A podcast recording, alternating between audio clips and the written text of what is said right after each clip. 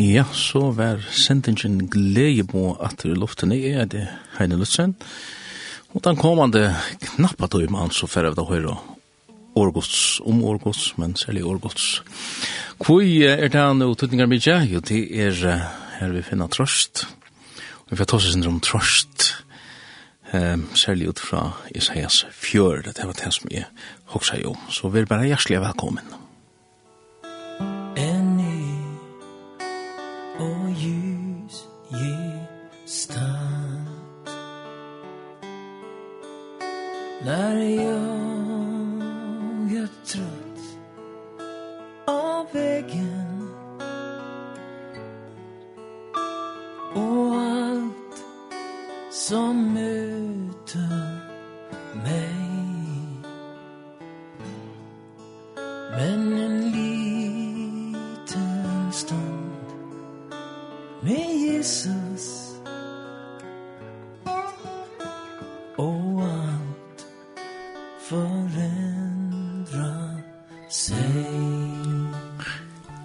ånd som av Jesus brøyder alt.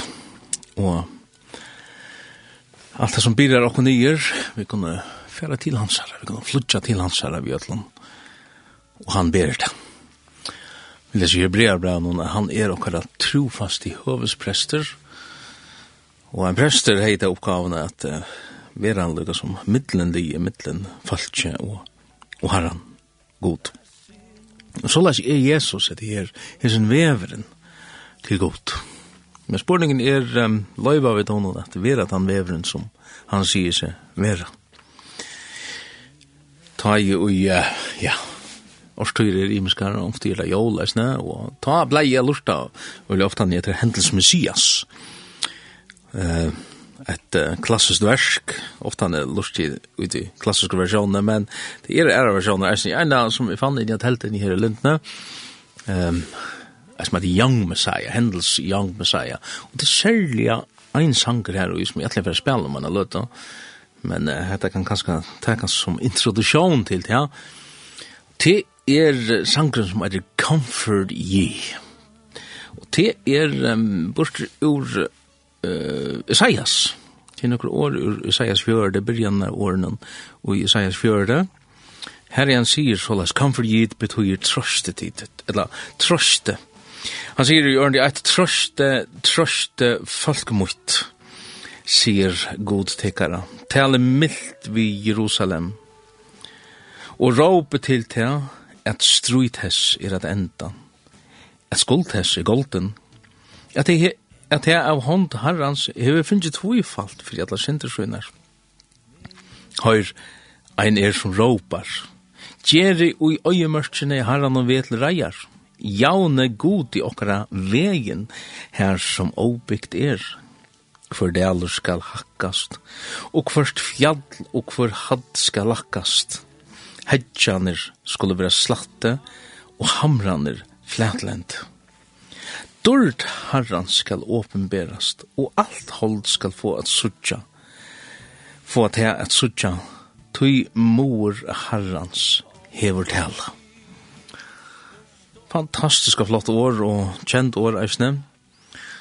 Særlig ui, i hendelsen versjon Comfort ye til kjenner det her, Eh, Og hva sier man om slik år? Jo, det sier til til møyne godskir at gos folk tørvar hisa trøstina, hisa oppgannina, tog vi genga og jøkna nye mest, og jøkra løyve, og Det som, ja, veren og dette livet er som det er. Vi opplever imens som, som skjærer okken, som syrger okken.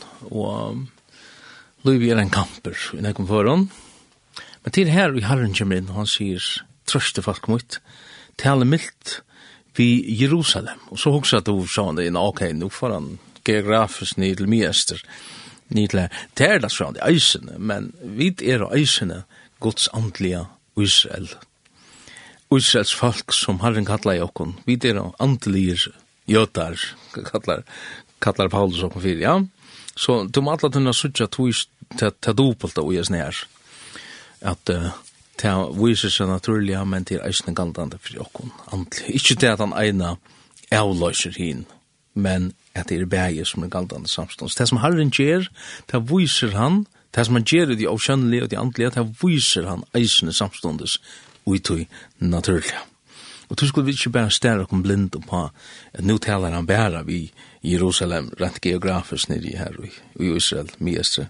Men eisende til okken. Og det er adresseringen til okken som egentlig er tog om i kvalt. Et lov i hese sendingen. Hva er det han sier her? Han sier at syndenar, åh, oh, vi kunne ta oss langt om sint. Jeg vet ikke om hvordan du hever, hever uh, hvordan du oppfatter han er, og, og, og hva, hva merker du i, i bøtjen da jeg nevner året sint? Ja, det er et sort uh, vanvist år, det er et, et år som, som man ikke må nevne, tog så er man bare fordømant. Og hvis jeg sier at nek er sint, ja, så er det en som gjør det her, så er det mye år som gjør det her, at noen færre få det ringt av tog og ringa samvisk og, og, og sånt. Men vi er han er folk heva det ringt og heva ringa samvisk og lukka mykje om å si det eller ikke. Uh, men det er en grunn til hvor man skal nevne året sint og man skal adressere henne tog det er en lorsen i at vera loster fra sint. Det er synden som binder mennesker nir. Og um, man kan teknisk ferdig forklare rettelig nek og eisne antall hvordan tingene henger saman. Og det er viktig i hessen døven å nevne disse tingene nu ta i ja, man må ikke kalla nekka for synd meir. Så det er så leisner. Året synd mørker at reka vi sugen av. Reka vi sugen av malen noen enda. Det mørker eisne, hvis du fyrir grunnteksten, at du teker et, et heitt kål bort ur elden noen og legger det til viks, så leisner at det kallnar. Og jeg kunne tåsa landje bære om hessa myndene her. Hva er det vi rekka vi sugene, og hva er det for elder som vi vil fjerne ifra? Eh, jeg kan nevne noe annet eisne. Det er til at synd, til avvirskar til innere mennesker og jokken, nemlig hjertet okkar. Og, uh, ja, man snakkar om at man er moralskar, da, da man er gjørt okker bort til, ja, vi er ute og, og ja, et eller annet då så fort land var jag för lunch så är man moralskatt och till till sorting men men det är så bara att att sort uthörselt uttryck för en känsla som ölen jag folk här var inte bara at de dricker så fort men nästan konstant. En ofrier in i att ja det var kallat för stress nu och då det är det här in i ui en känsla in i ui att åh det är ett land som är gale, det är också som, som är för vi, alltså jag føler mig som är för vi är i ja. Og til den kjenslan som kommer, og hun kommer trygt i et lei, hun kommer vegna sintene. Det er her at vi gjør ting, vi hoksa ting, og faktisk jeg vil kunne si at vi er nekka som ikke er så som god vil at vi skulle være. Og til den neien som vi alle mennesker er ui. Det er et syndafall som, som Adam og Eva ja, fotla ui, det har vi arvet, og rent genetisk så er vi jo i familie vi, bei Adam og Eva og kan fyrst og foreldre til seg selv. Da. Og dette her er nekka som er kommet og til forplanta seg alle min jobben helt til beitøyn og moin. Men det er en lorsen til at her. Trøste, trøste folk mot, sier han. Og så tånsar han om hans her syndene. At, at han vil, han, han er givet okken en lorsen fyrir det, og lorsenen og jeg råkner ikke vi at hun undrer det også, da jeg fyrir sier at løsnen, hun eiter blå Jesus her. Det at Jesus Kristus gav livsvitt, det at han døye og en krosse som ein båd, som et sint offer for tøyna og mine sint. Ok, ja, men så er det ikke problem mer. Ja, hvor hever du det så stadigvæk, så løs som du hever det? Jo, Det er omkustandi at kjetan leibri af.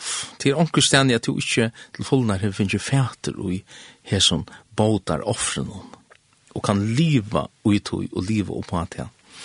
Det som hender er til at synden hon avvirskar okkar innasta menneska, nemlig anda okkar. Fjötra da nir, bindet da nir, så lær at vi andliga er deg, Ikke så lær at deg på en sånn måte at, at vi andelig slett ikke er til, men en, en deie som er en sånn ja, det er en forgifting inni i her i andi okkara er sjuker, og han skrutjar bæra tog han hevde ikke godt. Det er tann hjertans ofriren som vi som mennesker men kan føle. Og det kallar man så for stress, du, ja, så som er så, så, så blir ofta en, en, en uh, omskyldning for det. Stedet for å takke seg av råten av problemen, så sier man, ja, jeg har snakket å gjøre, og jeg har snakket å hukse om, og spekulere i det, og, og hettar og hattar, og, og nøkker enda for at arbeidet så nekva at jeg glemmer disse kjenslene, og ta det av arbeid så, så nekva at jeg stressar seg opp, så sier jeg, ah, jeg blir så stressar. Og ja, å, det var altså arbeid som var problem. Nei, det var ikke arbeid som var problemet, det var hentan hjarta hesen hjärsta tregen, enn den pynan inni ui som kjemur vegna syndina.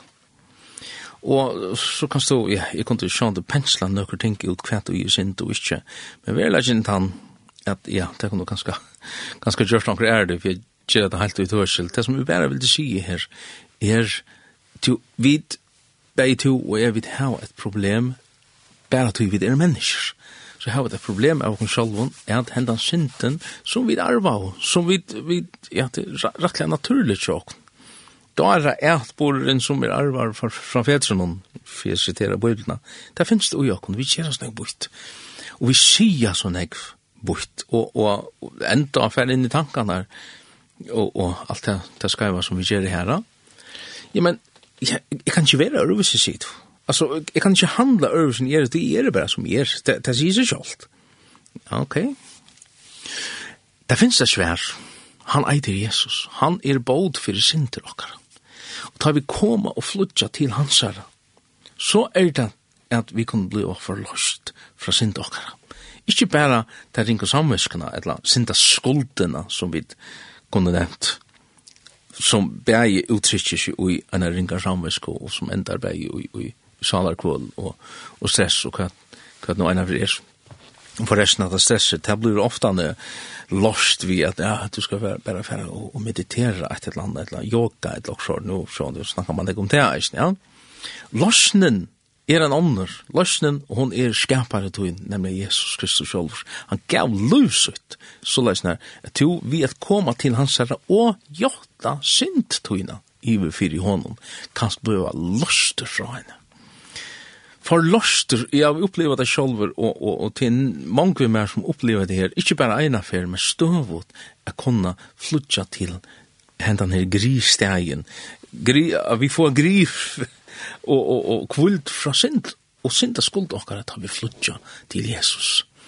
Og hette ikke bare nekka som hender eina fyrir, det er et hette, liv her hette, djeva synd okkar i herran. David i salmon han opplevde jo just det her. Men jeg takte så tørtest bein moine stendet da. Det vil si han takte om syndsøyna. Han var, han var uh, åtrykver eller han er i Jørsa. Vi bare ser på, de kjenner til søvn her. Og, og ta i han fjallte disse syndene, så var det akkurat som han ble oppeten inn i ui. Jeg bare sutt i fyr, men så stresser han er gynnsi her. Og Og, og spurningen var, var løsning til David i at for at det skal yoga, ella ella bare for arbeid enn jeg, etla, kjer og standa nei, det var ein løsning, og det var ta han for til herran, og så sier han, ta jotta i sintmoina. Og det som hender, ta du jota sintmoina i fri herran, du pjøs ikke det for menneskjon, det kan man sjå, men til herren som, som det skal adresseras til, det er herra, det er fyrirgongs man iverkjever sitt til herran, vi ödlom som det er. Ikke pynta på at det er en. Og jeg vet at, at ein, det er en nok så utbredd mat at, at uh, sleppa av i syndaskulden på at det er for å gjøre godt tjeva jólagaver etla menneske går torsk, etla etla anna bæra nu skal shit det, det er ikke kult jeva etla et gaver, det er ikke her, men hvis motivet blir til, ja, men nu er jeg så er slett kjøringer som du helter, og, og, og man lukkar som røyner fjalla sunna sind, vi ötlen til gova som man røyner køyra, hin menn av vekten, ja, lukkar som vi oppe måter til gova gjerner, oppe måter til rinka det er eit av ringa som du kan skjera, Kui, tui, ta lumt skapar til til sjolvan fyrir hesa perfekte løsnena, nemlig det einaste løsnena som er oppa tøyna syndaskuld, det er at koma til Jesus vitt. Og tar man så er kommet til Jesus vitt, og hever ut oss sitt hjarta fyrir honom, og gyver sina syndaskuld til han, og man opplever eina frelso, ganska du ångar dir upplevelse av frelsene fra herran, men gjer det i hese løtu, gjer det i hans herra.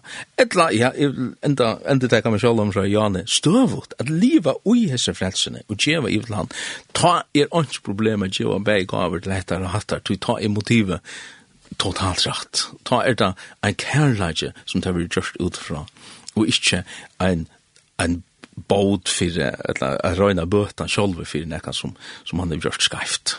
Det tar blir slett. Jag vet jag vana til skil, miskil med rett, som som han sier, Kom til Jesus, det är svär.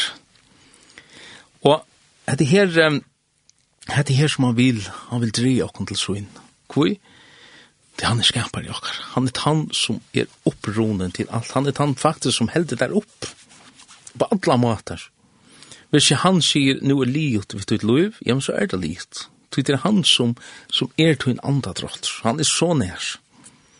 Det stender om, om, om Adam at, at Herren han blåste lufts anda og i nøsansara, lufts anda og i nøsansara, og, og Adam var livande sval. Det vil si, svalen tja der og anden tja der kommer fra godt. er fantastisk. Faktisk er det bare en drying gjør jæresker, nemlig at du likam. Men anden og svalen, det er fra godt.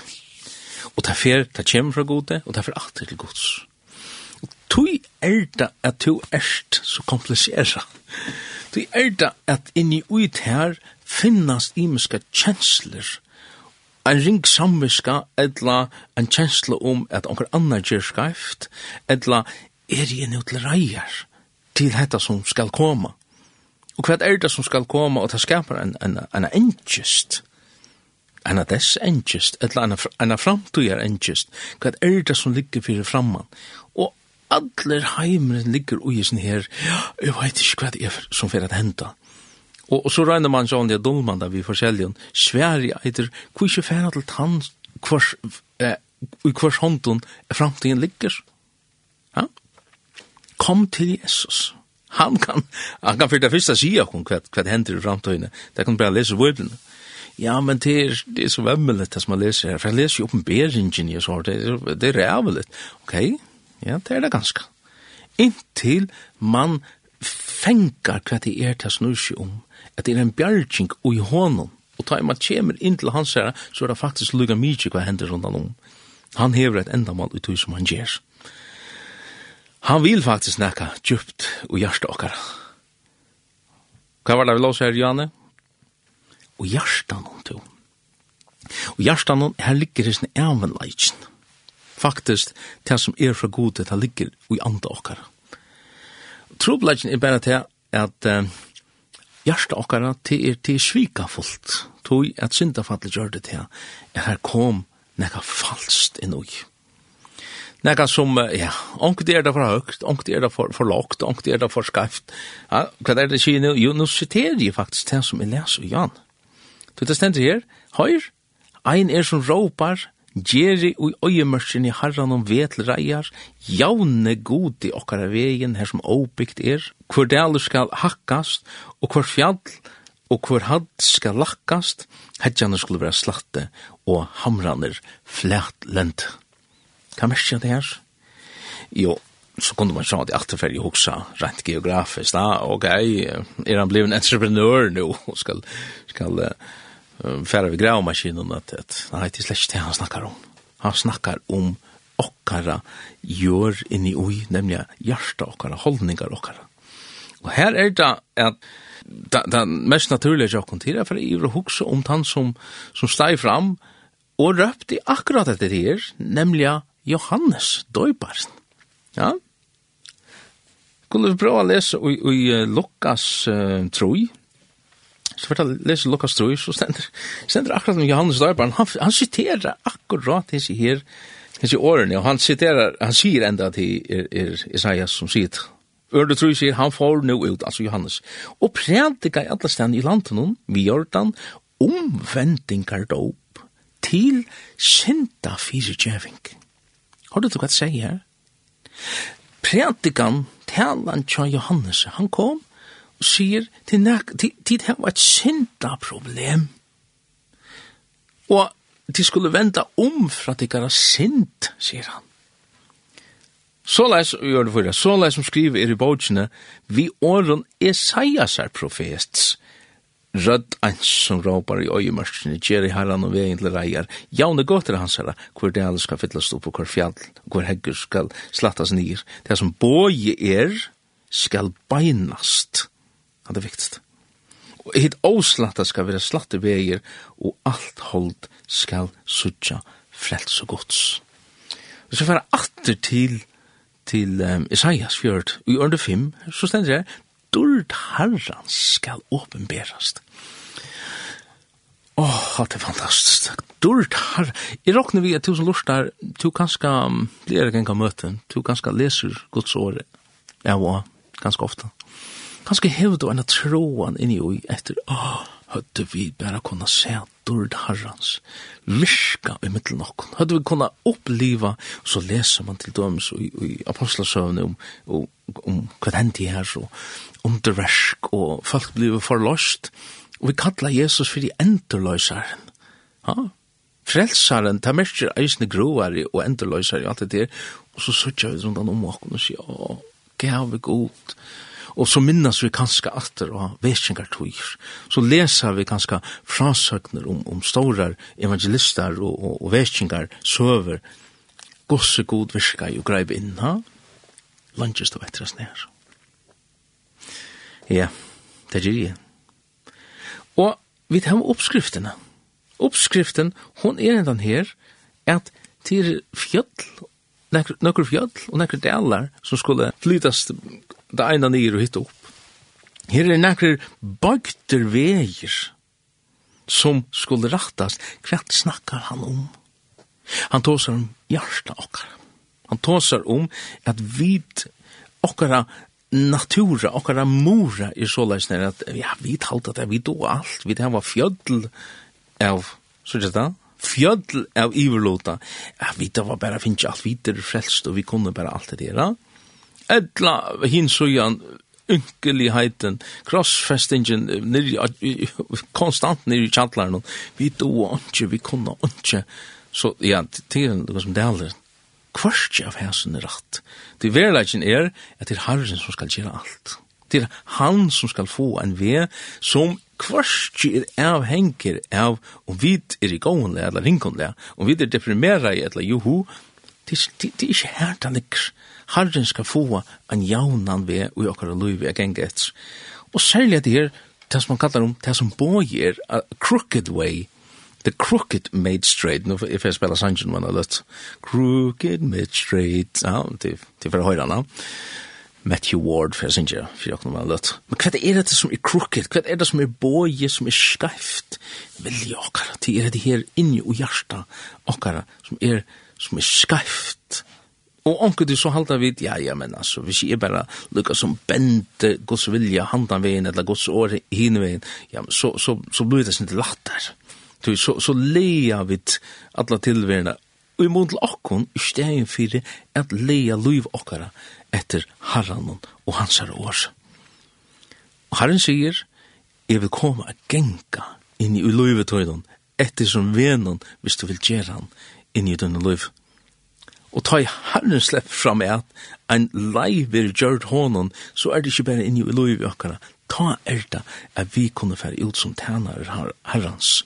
Og ta opplevde bæge Johannes Døybaren, og, og ikke minst, ja, det er en, en annan som, som jeg skal fære ta som om eisen, nemlig at Johannes Døybaren vil kalla fyrir at han er Elias. Og det, det er en fantastisk ting. Det er til å komme inn på men det er løtt kanskje høyre en tanko i det her, bare nå, som sier, du, du er så dømant. Han, han er lost dere fra alle nesten. Vi, ja, det er vel legend. Han er forlost dere, og Jesus. Og han godteker dere, ja. Ja, men så har vi et problem. Ja, nå spyr jeg som Janne, ok, har du sånn problem, eller hva? Er alt i orden, eller hvordan har du ditt hjerte det? onkelstene leiber tjetan av. Vi er leidgen et han, vi som bøtten hansar, vi er god tidsen, som bøtten hansar. Akkurat på samme måte, hvis du er til foreldre, så, så god teker du inn i bøtten. Men hins spurningen er, at eit er å være god tidsen, at andre er å være god tækjelig, acceptable, kunne man sagt enskana, god tokkali. Og ta ta er det noen andre ting, ta er det lukka som stiger vujare som han er ute etter.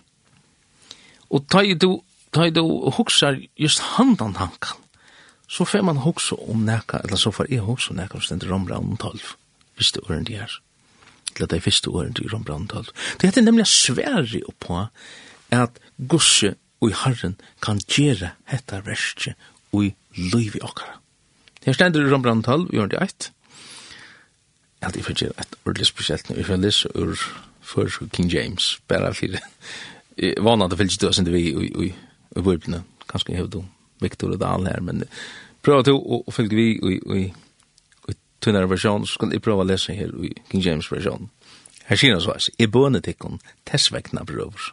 Vi miskunner gods, at hit bjåe fram tikkara likam, som et livande slateroffer.» heilagt, gode, god, tætjeligt. Det var etter året som jeg ble av fætru. Som er tikkara skinn samlige tjenesta.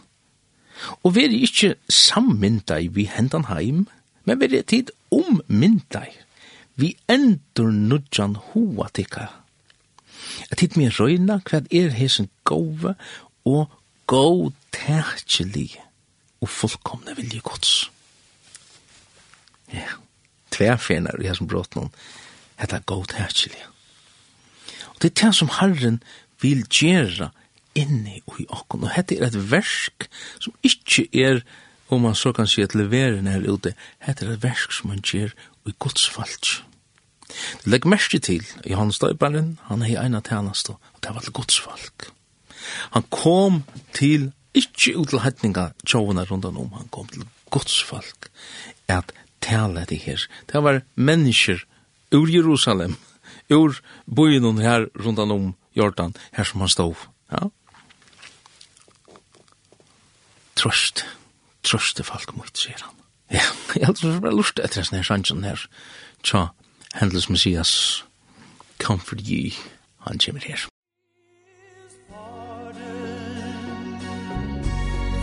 That her in need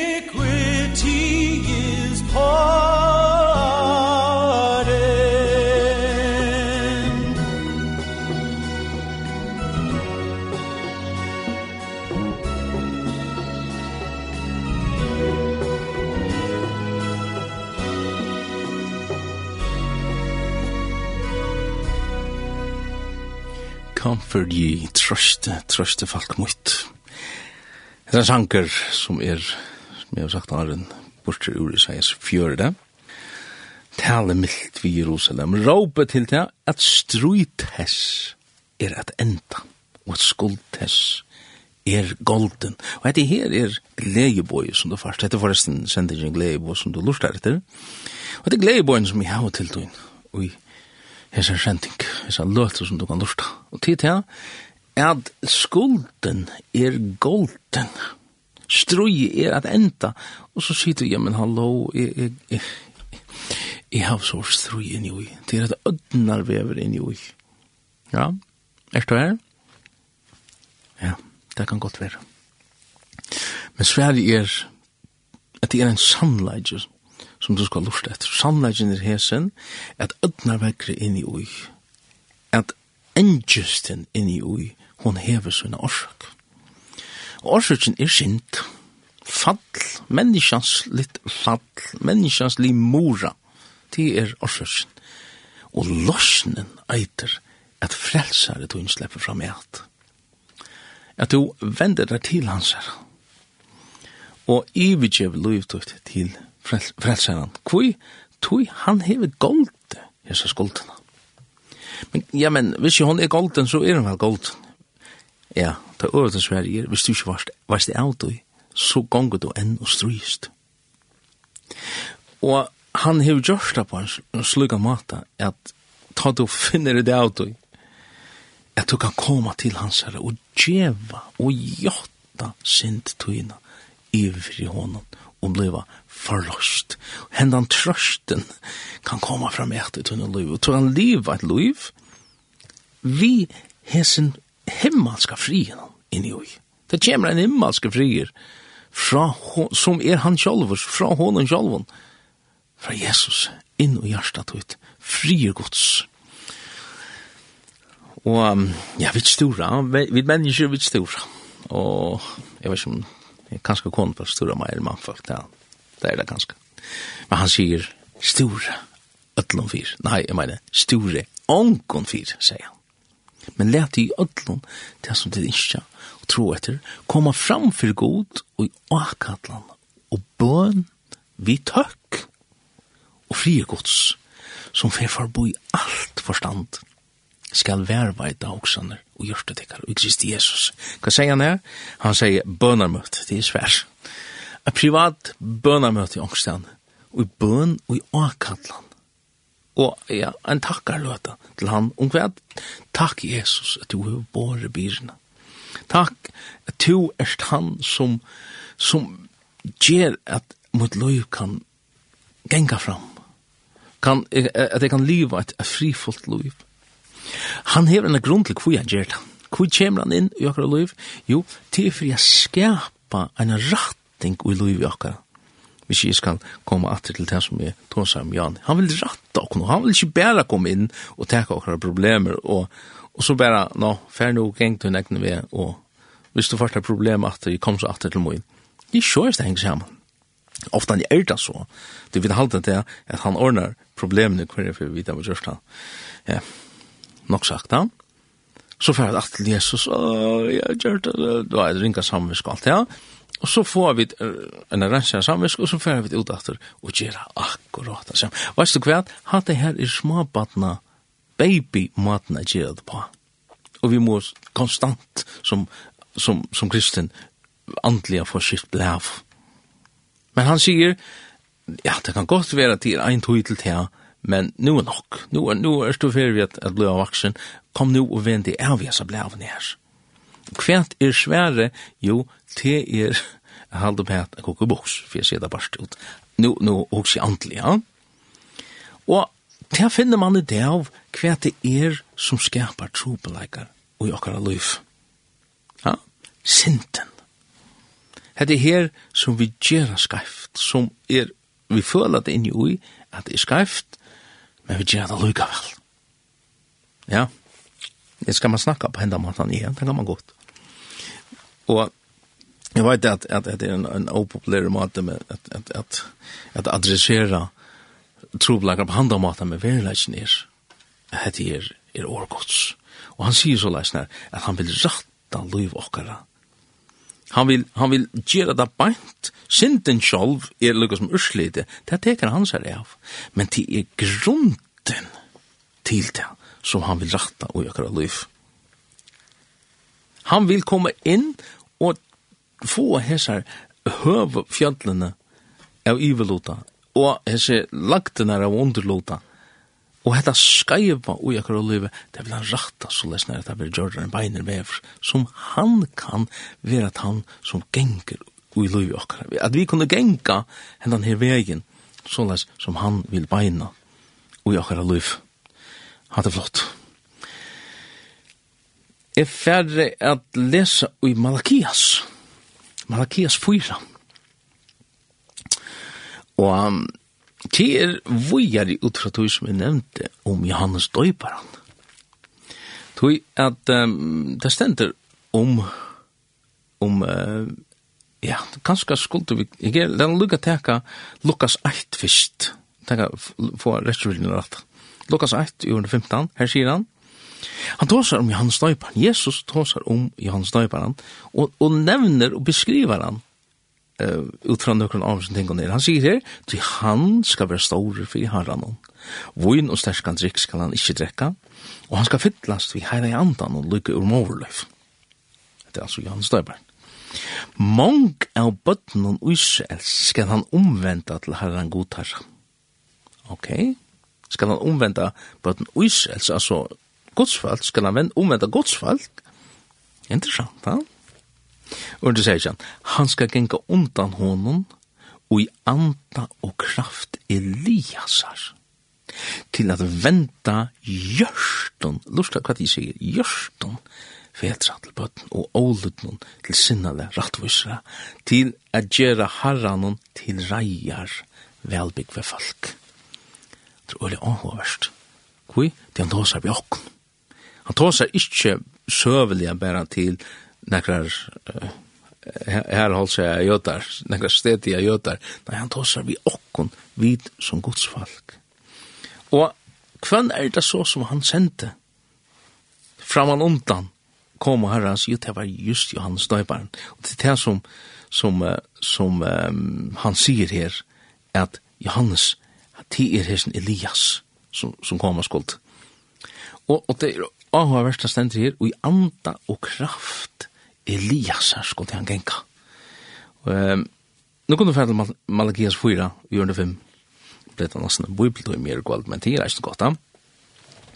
Her stendur her, jeg sendte til kon Elias, profeten, og er en dæver herrans, hin stóri og øylige kjemur. Han skal venta gjørstun fetrana til bøttene, og gjørstun bøttene til fetrana, så jeg kom ikke og slag i landet vi bandet sida sindre ørve skjer, men at tåsa det samme, nemlig hjørstene, hettar inni ui som er, som er fordreia. Han vil omvenda hjärsta okkar. Og til det som, som bæg Elias heie, og som, som Johannes heie, eisne, hettar, er at vera ein rødd som tala til okkon, at venta okkon borster fra, ja, fra sint, fra tog som, som for og sjekker sintene i okkara liv. Og du kan sige, ja, men altså, vi som kristen, vi som, som godsfalt, vi har ikke andre trobelagan til Jesus, han har ordna alt det her. Vi er langt og godtation i hånden, og, og her har vi finnet ta, ta blå stempler fra hånden, så, så, så er alt i orden. Hokset du så leis? Det kan godt være at du hoksa så, men inni ui, så er verleggen en annar. Tui, han vil ikkje bæra av en eller annen magiskon et eller annet sier, nu, nu er du frelst, det er faktisk lukka mykje hos du erst og gjerst, og tui at, at onker stani og onker bok er synda skulden strika, og, og, og det er så det. Og så faktisk kan du fortsette akkurat så som du har gjort. Det er altså ikke i tingene henga saman. Han vil uitøkjelja komme inn og hjertet ut. Jesus kom inn, synes jeg vi da. Kom inn og imot hjertet Jesus. Kom inn og i det. Hvor sint av sted. Kom inn og imot hjertet Jesus. Jeg tror synes jeg det er sundagsskolen. Hva mest jeg hatt her? Det mest ikke bare at da du bi Jesus kom inn, så ble det en deilig kjensla. Å oh, ja, og nå har vi Jesus her, og nå er det ikke problem. Men det mest at Jesus kommer inn, og han byrjar et versk. Ja, verset har han lengst han gjort, nemlig at at at teka tunna synda skuld, men han byrjar et gott versk inn og i der, som vi pleier å si at han vil færre kyrkje, at han som byrja i godt versk og i tikkun, han fullfør til til det er Jesu Kristus. Så enda her så kjær vi det.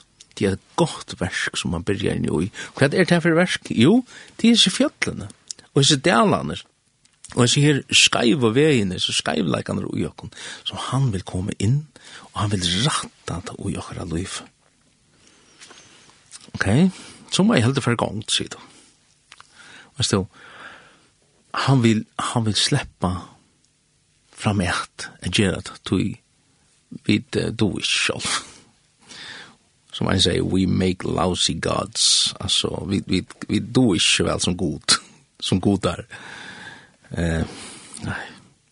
Hva var det han sier og Janne tar i sitt i Rombrau Talv, ørde ett. Han sier, det eneste som vi skulle gjøre, til å bjøre kom fram stilla opp tøk i fri herran.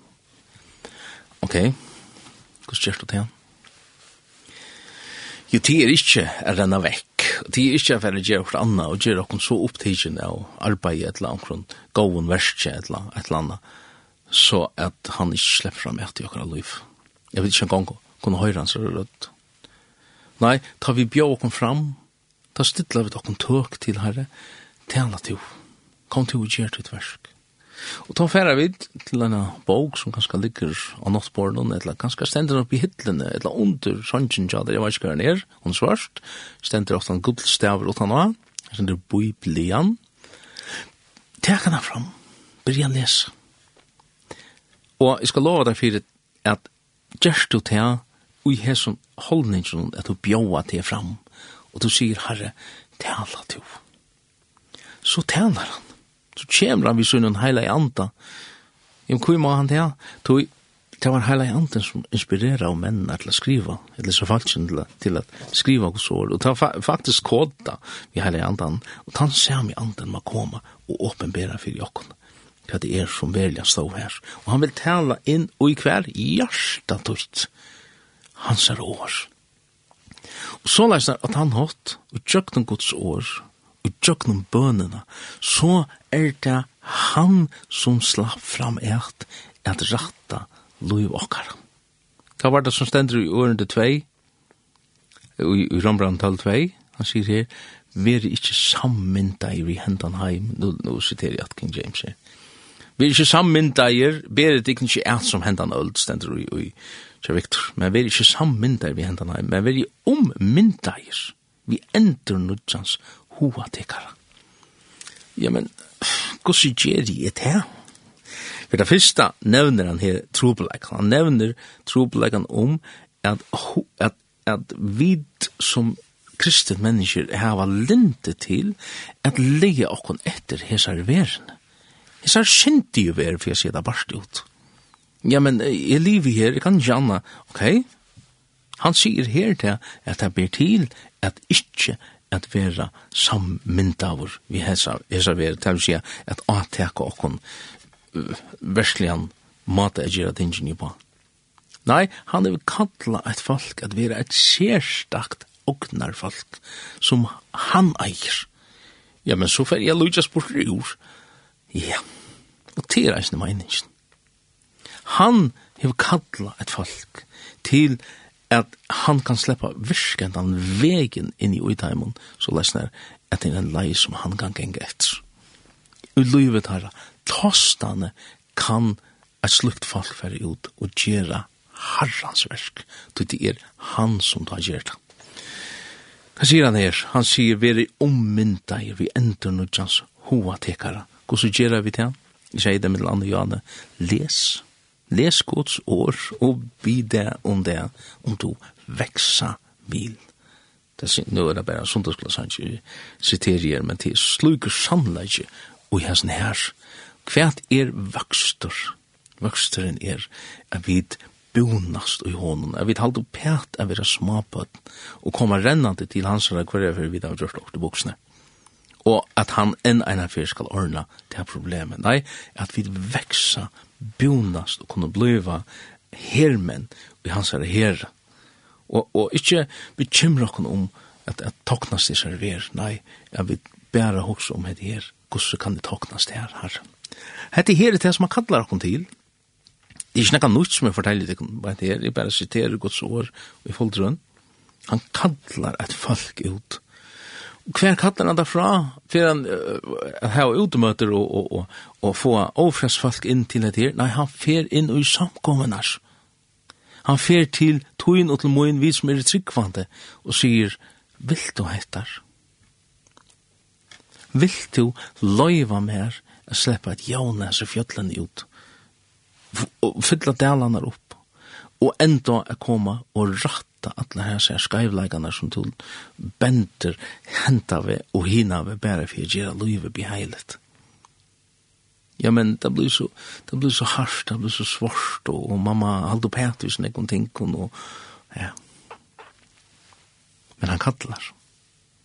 Og verileggen er han, ta i vid stilla okkon tøk, ta vi bjóa okkon fram, som vi låser her i Rambraun og 12 og 1 ta vi stilla okkun tøk, bjóa okkun eller bera, som det stender ja, Victor, bera fram likam okkara. Ta vi gjerra ta, så sier vi samståndes, tak jeg serverna vekk.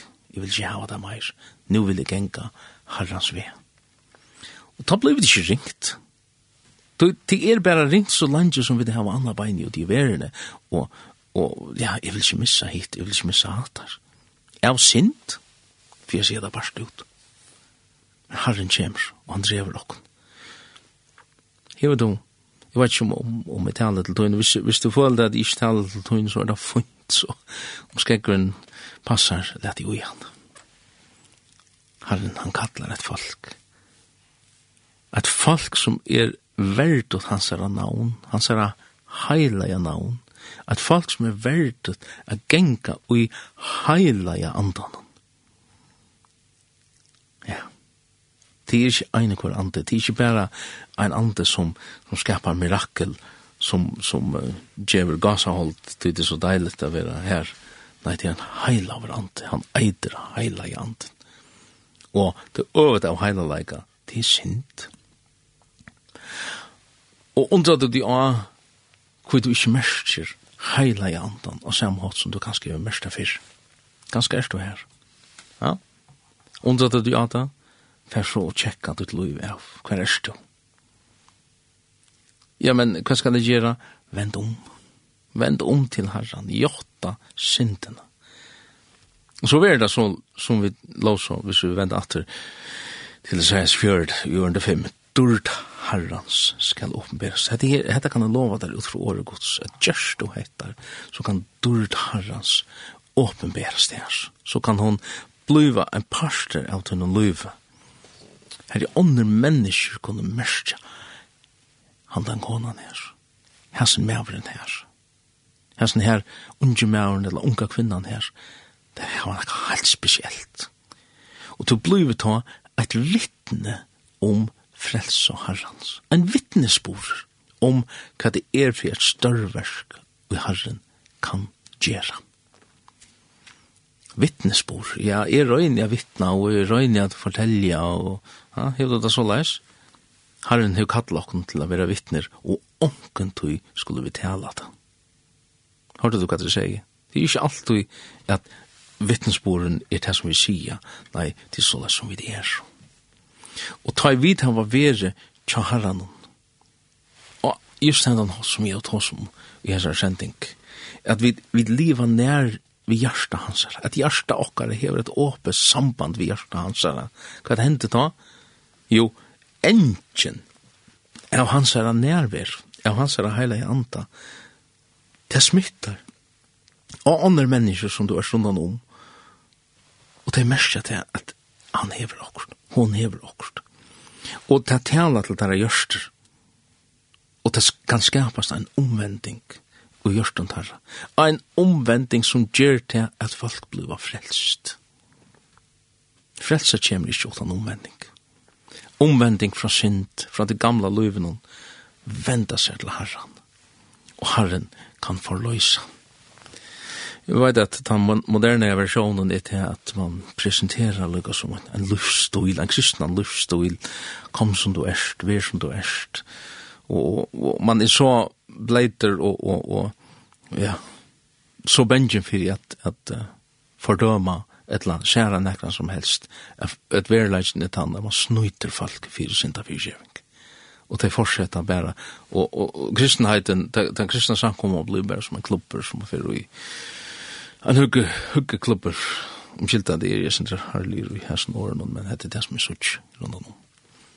Herren, han kallar eit folk til ivergjeving, til syn. Han kallar eit folk a genga ein vei som er hans herre vevs. Og nu er jeg i Isaias fjord, eller han bleia til endan sier her, vi klarar ganske en minutt at sett. stendur i Isaias uh, 35, her uh, herren just tåsar om at han er vegen, og han uh, at det her kunne man også ja, men det her er Israel, det er geografisk han tar om, nei, det er tøyt hjärsta han tar om. Han sier her i ørende 8 og i Isaias 35, og her, altså i hjärsta tøynen, så var det er ikke naturlig, det er så som jeg begynner vi å si, men her og i hjärsta tøynen, her skal være lagt ur vever, han skal eita heilige vever, heilige leitje. Ongen åreiner skal genge etter hon, nei, han skal høyra falskje hansara til. Og nå kommer det i her, du kan skal si, ja, men altså, at, at det virker så, så, så fløtja litt, og at det virker så negv, og, og, og så adresserar han akkurat han den spurningen, og som du kan skal aldri, ja, men jeg er forbutla det her, i du ikke det her. Han sier her, at han har, har sagt, han skal høyra falskje hansara til, ongen som gonger etter i som venon, om det så er dåre skal vittlast. Ja, hva sier, hva var det du sier? Sjalt om vi sier at jeg, ja, men jeg do ikke av det her, og, og, og jeg fæt ikke gods år på handamaten, og han sier at gonger du hesa heila og leina, så vittlast du ikke.